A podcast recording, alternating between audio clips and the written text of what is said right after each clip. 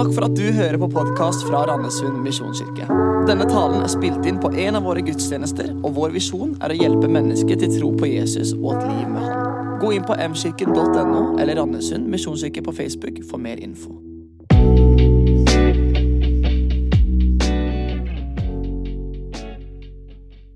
Det fins utrolig mange vitser om himmelen. Og alltid så kommer de til perleporten. Og av en eller annen grunn så er det Sankt Peter som står der. Så her går starten i dag. En pastor og en bussjåfør de dør. Og begge kommer de til perleporten og møtes, møter Sankt Peter. Bussjåføren er rett foran pastoren i køen. Og når Sankt Peter får se bussjåføren, så stråler han opp. Så 'Du er her! Bare vent litt.' Så løper han inn og finner noen klær til han, og han tar på han. Og pastoren sier at det er de fineste klærne han har sett i hele sitt liv. Og han får en kappe av silke på seg. bare sånn, wow! Og så tar St. Peter fram en sånn stokk, en sånn type gjeterstokk i gull og smaragder. Og det er så fint! Og så sier han 'kom inn i gleden' i himmelen. Og pastoren han er like glad som bussjåføren, for nå er det hans tur. Og så kommer han, ja, det er du, ja. Bare vent litt, sier St. Peter. Løp inn og kommer ut. Helt ordinære, litt kjedelig utvaska klær. Og med en stokk lagd av det simpleste tre i verden. Så han sa, det er ditt, velkommen inn. Så blir han sånn, ja, men har du ikke gjort feil herrene? Han var en bussjåfør, jeg var jo pastor. Så nei, nei, nei, det er helt riktig. For du skjønner, når du preker, så sovner jo halve forsamlingen. Men når han kjørte buss, så ba og ropte folk til Gud, enten de trodde eller ikke. Det var forskjellen. Så Er, er himmelen virkelig? Er virkelig? Hva skjer når vi dør? Det er det vi skal snakke litt om i dag. Som barn så kunne jeg ligge søvnløs og tenke på det. Og Forskere har sagt de aller, aller fleste må gjennom perioder der du undrer deg, gruer deg, har redsel for dette med døden og hva som skjer etterpå. Og Her kommer det kjedelige faktum i denne talen. Det eneste som er sikkert etter vi er født, det er at vi skal dø. Det er det eneste som er sikkert. Resten imellom kan vi håpe på. Men så er det noe inni oss som stritter imot dette her. Og Hvorfor det? Jo, fordi det virker urettferdig. Må vi virkelig dø? Skal vi ikke bare leve? Det virker noe urettferdig. Det virker dystert. Døden er ikke en ønska gjest. Og det virker skummelt. Hva skjer med meg da? Tatt med to karer her. Stephen Hawking han svarte sånn når de spurte han om han frykta døden. Så sier han jeg har levd med antakelsen om at jeg kommer til å dø snart, i 49 år. Jeg er ikke redd for å dø, men jeg har heller ikke travelt med å dø. Jeg har så mye jeg vil gjøre først. Jeg ser på hjernen som en computer som vil slutte å jobbe når komponentene slutter å virke. Det er ikke noe himmel eller liv etter døden for ødelagte computere. Det er en eventyrhistorie folk som er redde for døden, eller redde for mørket, tenker på, sa han. Rick Warren han hadde et helt annet utgangspunkt. Han sier slutten på livet er ikke slutten på deg. Evigheten har han lagt ned i våre hjerter, står det i Forkynneren 3. Evigheten. Og det er veldig interessant når vi ser på forskning, og, og folk er spurt hvor mange tror egentlig på et liv etter døden. Over 80% tror det fins noe etter døden. Et eller annet. Og her er det en interessant greie. Tygg litt på denne. Mange som avviser Gud, vil likevel til himmelen. Få de to til å gå sammen. Hvilken himmel? Hvordan skal du komme dit? Men det er noe med himmelen som representerer det som er godt. Og vi har uttrykkene 'det var himmelsk', 'det var en smak av himmel', 'himmel på jord'.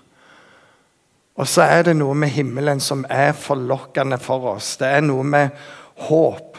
Men vi lager oss da ulike forestillinger om hva himmel skal være. Og dette er interessant. Eh, hvis du vil lese deg opp på veldig mye eh, Lee Strawbell han har 'The Case of Heaven'. Og så snakker han om hvordan både ateister, humanetikere og mange andre må jobbe med dette spørsmålet. For hva er da håp etter døden uten Gud? Og hvordan kan du vite det? Det, det blir en veldig komplisert affære. Men vi lager oss noen forestillinger. Jeg vet ikke hva du har hørt i din barndom. eller rundt omkring. Men en av de mest populære holdningene som finnes i dag om himmelen, det er når du tar det beste som har skjedd i livet ditt, så er det som en repeat-knapp på det hele tida. Det er en himmelforestilling. Når jeg lytter til hva folk sier om himmelen, så, så tenker jeg himmelen har blitt en veldig forvirrende greie. Fullt av alt det du ønsker deg, på din måte, på en plass du er lagd for deg sjøl. Og så kan jeg lese det i aviser, høre det i intervjuer. Tante sitter og ser på oss på en sky nå. Ok, Hvor tar du det ifra? Pappa var med oss i dag når vi hadde det så gøy.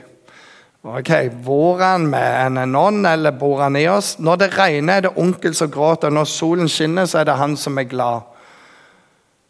Det er litt av en onkel. Min mor ga meg styrke til å gjennomføre denne bragden, for hun lever fortsatt inni meg. Hvordan gjør hun det? Hvor tar vi disse tingene fra? Hvor troverdig er det? Og så forstår jeg det kan gi trøst. Det kan gi håp. Men er det til å stole på? Eller er det, som Steven sa, en eventyrfortelling? Hva er virkelig, og hva er bare noe vi dikter opp? Jeg har sett flere intervjuer av tilfeldige folk på gata, og stort sett kirker som intervjuer folk da om det samme. Hva skjer når vi dør? Og, noen, og Svarene varierer jo. Vi blir gjenfødt som er noe annet. På ny og på ny. Nirvana.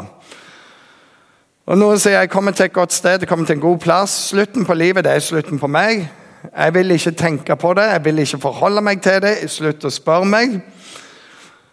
Og Kanskje er den holdningen det jeg møter mest. Jeg vil ikke tenke på det. jeg tenker ikke på det, Hvorfor skal jeg gjøre det? Og så er jo greia det Vi kommer alle til å dø. Det er et faktum. Og det er kanskje hakket seint å tenke på dette når noen du er glad i, har dødd, eller når du ligger for døden. Var det ei greie her? Hvordan kommer jeg meg til himmelen? Og så er det mange som sier hvis du tenker gjennom det, og tenker det som skjer etter livet er slutt, så vil jo det influere måten du lever på i dag. Hvis det ikke skjer noe, vi bare dør, hvorfor være moralsk i det hele tatt? Du lever jo ikke til ansvar for noen.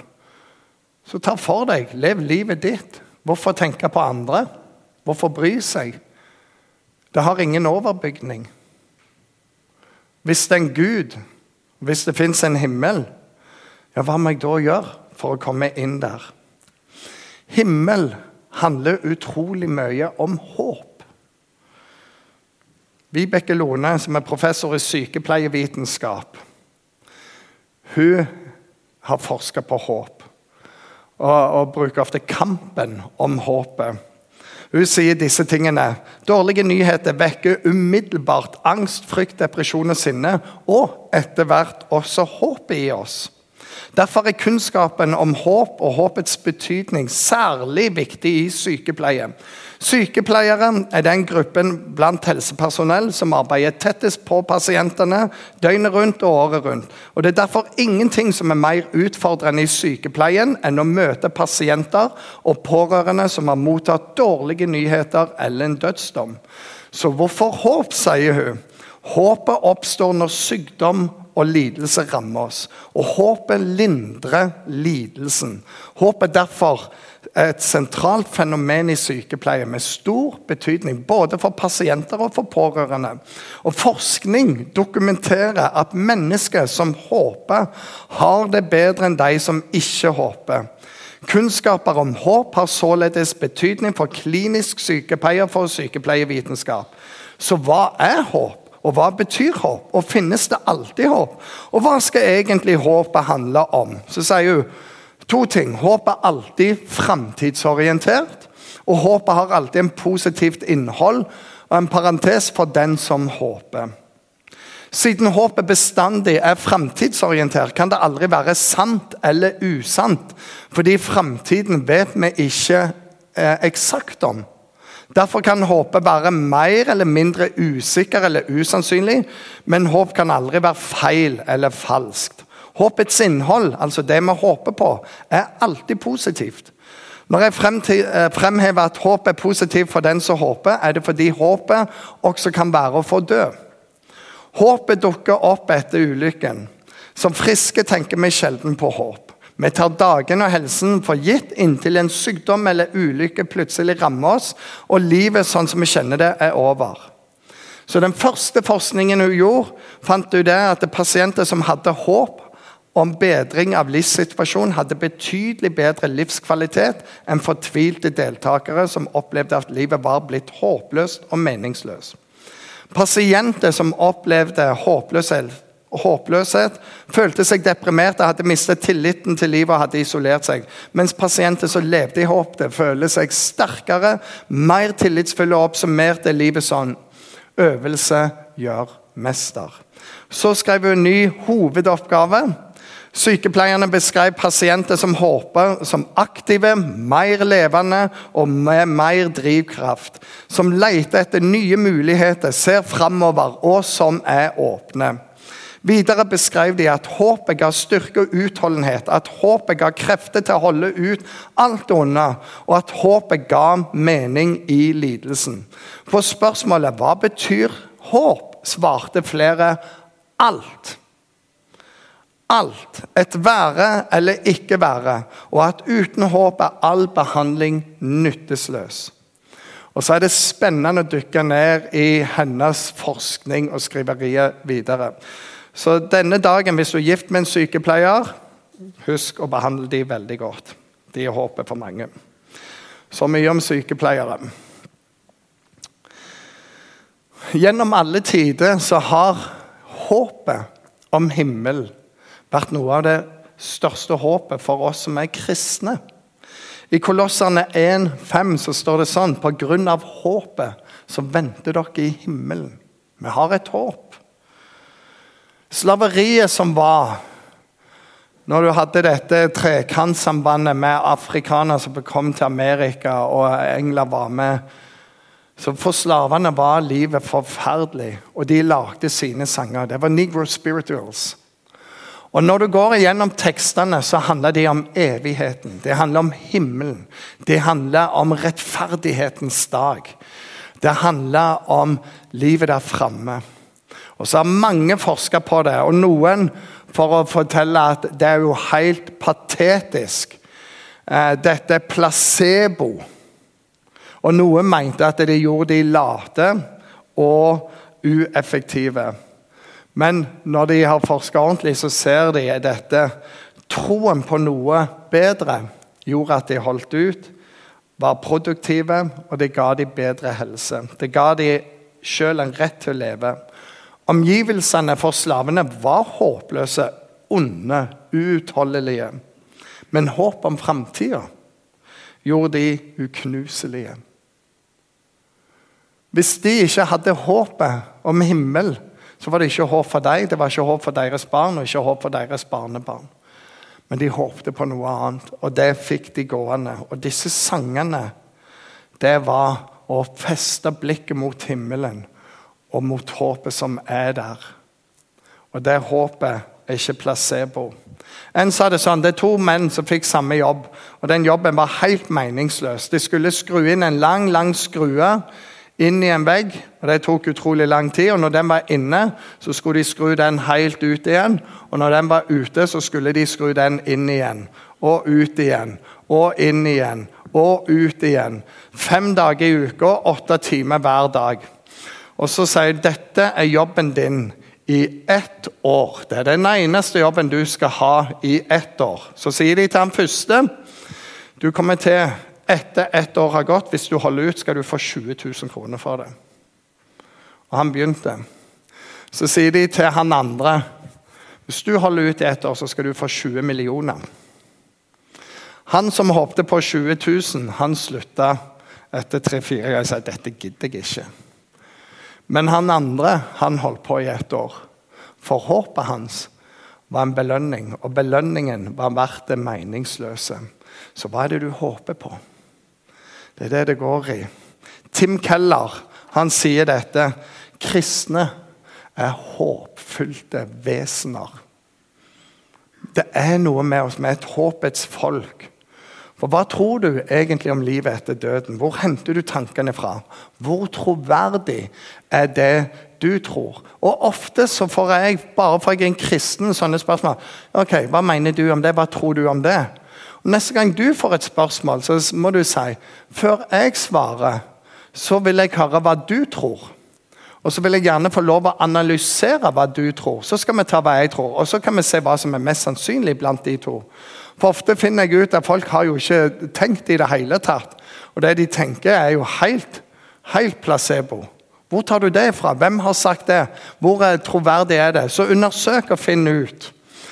Vi skal lese litt eh, sammen. Det står i 2. Korinterbrev. For vi vet at om det rives ned, dette teltet som er vår jordiske hus, så har vi i himmelen en bygning som er fra Gud, et evig hus som ikke er gjort med hender.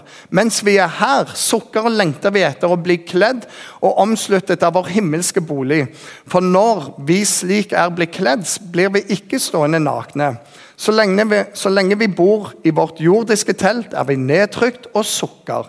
For vi ønsker ikke å bli avkledd, men påkledd, så dette dødelige kan bli oppslukt av livet. Den som har gjort oss i stand til nettopp dette, er Gud, som har gitt oss Ånden som pant. Derfor er vi alltid ved godt mot, selv om vi vet at så lenge vi er hjemme i kroppen, er vi borte fra Herren. For vi vandrer i tro uten å se. Men vi er ved godt mot, og helst vil vi flytte bort fra kroppen og hjem til Herren. Dette er Paulus.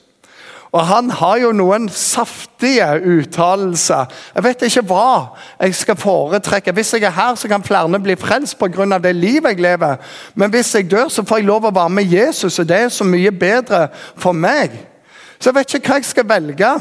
Det er bra for dere at jeg er her, men det er bra for meg å være der. Så står jeg mellom dem og vet ikke hva jeg skal velge positivt av død eller liv. Da har du en ro for hva som venter deg etter livet. Da venter det ordentlige livet, for slutten på livet er ikke slutten på deg. Og inn i dette med troverdighet. Hvem har sagt det, og hvor troverdig er det? Dette er Paulus. Her har vi en annen. Han heter Jesus. Og han sier dette La ikke hjertet bli grepet av angst. Og det er jo akkurat det som skjer og som skjedde for min del når jeg var et barn, og som skjer for mange når jeg lukker øynene og tenker på hva skjer når jeg dør. Så sa han la ikke hjertet bli grepet av angst. Tro på Gud og tro på meg. Tror jeg at det Jesus sa, var sant? I min fars hus er det mange rom. Og var det ikke sånn, hadde jeg da sagt dere, hadde jeg da sagt dere at jeg går og vil gjøre i stand et sted for dere? Og når jeg har gått og gjort i stand et sted for dere, vil jeg komme tilbake og ta dere til meg, så dere kan være der jeg er. Det er Jesus. La ikke hjertet bli grepet av angst. Det er mange rom i himmelen, og jeg skal komme tilbake og hente deg. Og det vi må huske er at Jesus kom fra himmelen til jord. Levde et liv her.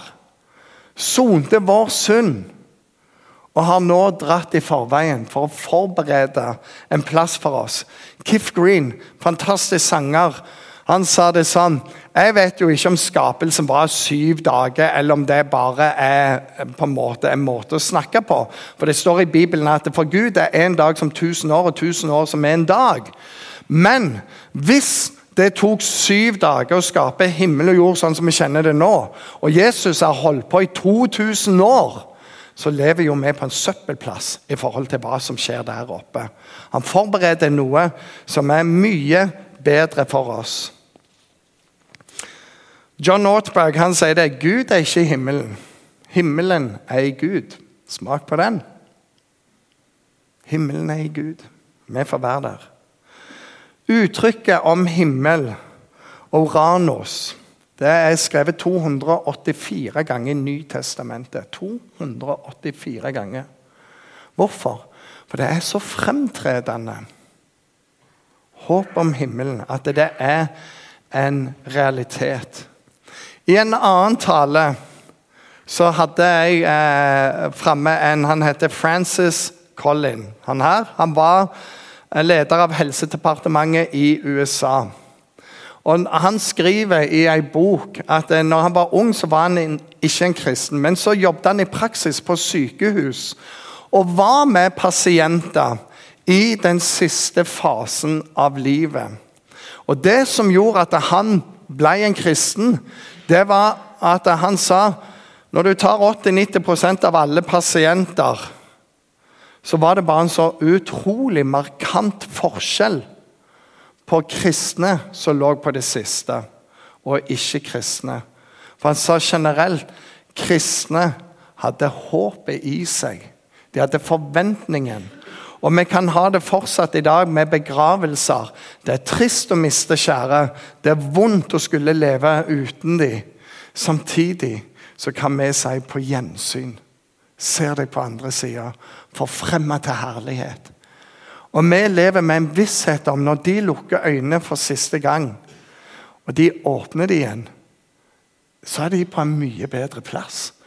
De ser bare sånn Wow! Himmelen! Jesus er der. Alt er bra her. Der er de. Derfor så håper vi Og Det var dette Francis så. Han så det så ofte. Det var bare hele tiden. Det gjorde at han ble en kristen. Var et bevis. Og I slutten av Bibelen så, så får Johannes en åpenbaring, og så står det sånn Og jeg så en ny himmel og en ny jord. For den første himmel og den første jord var borte, og havet fantes ikke mer. Og jeg så den hellige byen, det nye Jerusalem, stige ned fra himmelen, fra Gud, gjort i stand og pyntet som en brud for sin brudgom. Og jeg hørte fra tronen en høy røst som sa, Se, Guds bolig er hos menneskene. Han skal bo hos dem, og de skal være hans folk. Og Gud selv skal være hos dem. Han skal være deres Gud. Han skal tørke bort hver tåre fra deres øyne. Og døden skal ikke være mer. Heller ikke sorg eller skrik eller smerte. For det som en gang var, er borte. Han som sitter på tronen, sa, 'Se, jeg gjør alle ting nye.' Der er du invitert. Der er du invitert. Det var dette Jesus kom lagde veien for oss der. Så la meg starte der, slutte der som vi pleier å starte talene. I 1914, mai 1914, så var Empress of Island på vei fra Quebec til Liverpool med nesten 1500 passasjerer om bord. Samtidig så var den norske lastebåten Storgard på vei motsatt retning, lasta med 10 000 tonn kull. Brått dukka det opp tett tåke, og, og, eh, det var veldig nærme eh, losstasjonen med Fathers Point ved innseiling til elva St. Lawrence, som forbinder de store innlandssjøene med Atlanteren. Det var 1477 mennesker om bord Empress of Island. De krasjer disse to båtene. 465 overlever tragedien, og bare 4 av 138 barn blir redda. 1012 mennesker dør. På denne båten så var det 167 frelsesoldater. Av de som drukna 128 i den iskalde elva. Båten sank på minuttet. Det var nok redningsvester, det var nok båter. og Han var bygd veldig bra opp, men alt kom så brått at de klarte ikke å få opp. Flere av de i Frelsesarmeen hadde redningsvest, men de valgte å ta de av seg og gi det til andre passasjerer. Så at du trenger denne mer enn meg, for jeg vet hvor jeg er på vei. Så de Ga sitt liv til andre. Når du vet hva du håper på, når du vet at slutten på livet ikke er slutten på deg, da kan du møte det som er vanskelig, på en annen måte. For slavene holdt de ut. For den lidende så vet jeg smerten er ikke det siste. For en dag så skal jeg en plass der det er ingen smerte. Ingen lidelse. Gud er der. Og veien dit er så enkel. Den går gjennom Jesus. Det fins tusenvis av veier til Jesus, men Jesus er veien til himmelen. Det er vårt håp. Og Derfor kan vi leve i dette håpet. Derfor lever vi våre liv himmelvendt. Og Det er noe av det vi skal ta for oss de neste ukene. Vi skal be sammen. Herre Jesus, jeg takker deg for du kom fra himmelen til jord. For å lage en vei fra jord til himmelen. Den veien er så enkelt at den enkleste av oss kan finne den. For du vil at alle mennesker skal være med deg i himmelen. Herre, må du hjelpe oss å ta imot den gaven som er frelsen i deg. Si ja til deg i livet. Og Herre, så ser du at eh, vi kan ha angst. Men du har sagt, la ikke hjertet bli grepet av angst. Tro på Gud og tro på meg. Herre, åpenbar himmelen for oss. Åpenbar håpet. Sånn at våre hjerter kan falle til ro. Og sånn at vi kan smile og si men jeg er på vei til himmelen. Dette livet blir aldri perfekt, men himmelen, eh, himmelen gjør perfekt til skamme. Det er så fantastisk. Herre, hjelp oss alle å gå veien som fører dit. Jeg ber om det i Jesu navn. Amen. Mens vi er i bønn, så kan det være at du ikke er på vei til himmelen nå, for veien går gjennom Jesus. Og Da kan du invitere han inn, og det du gjør, du sier, 'Jesus, her er jeg. Jeg inviterer deg inn i livet mitt.' Kom inn i livet mitt. Vær min frelser og vær min Herre. Og Når du har gjort det, så er du på vei til himmelen. Amen.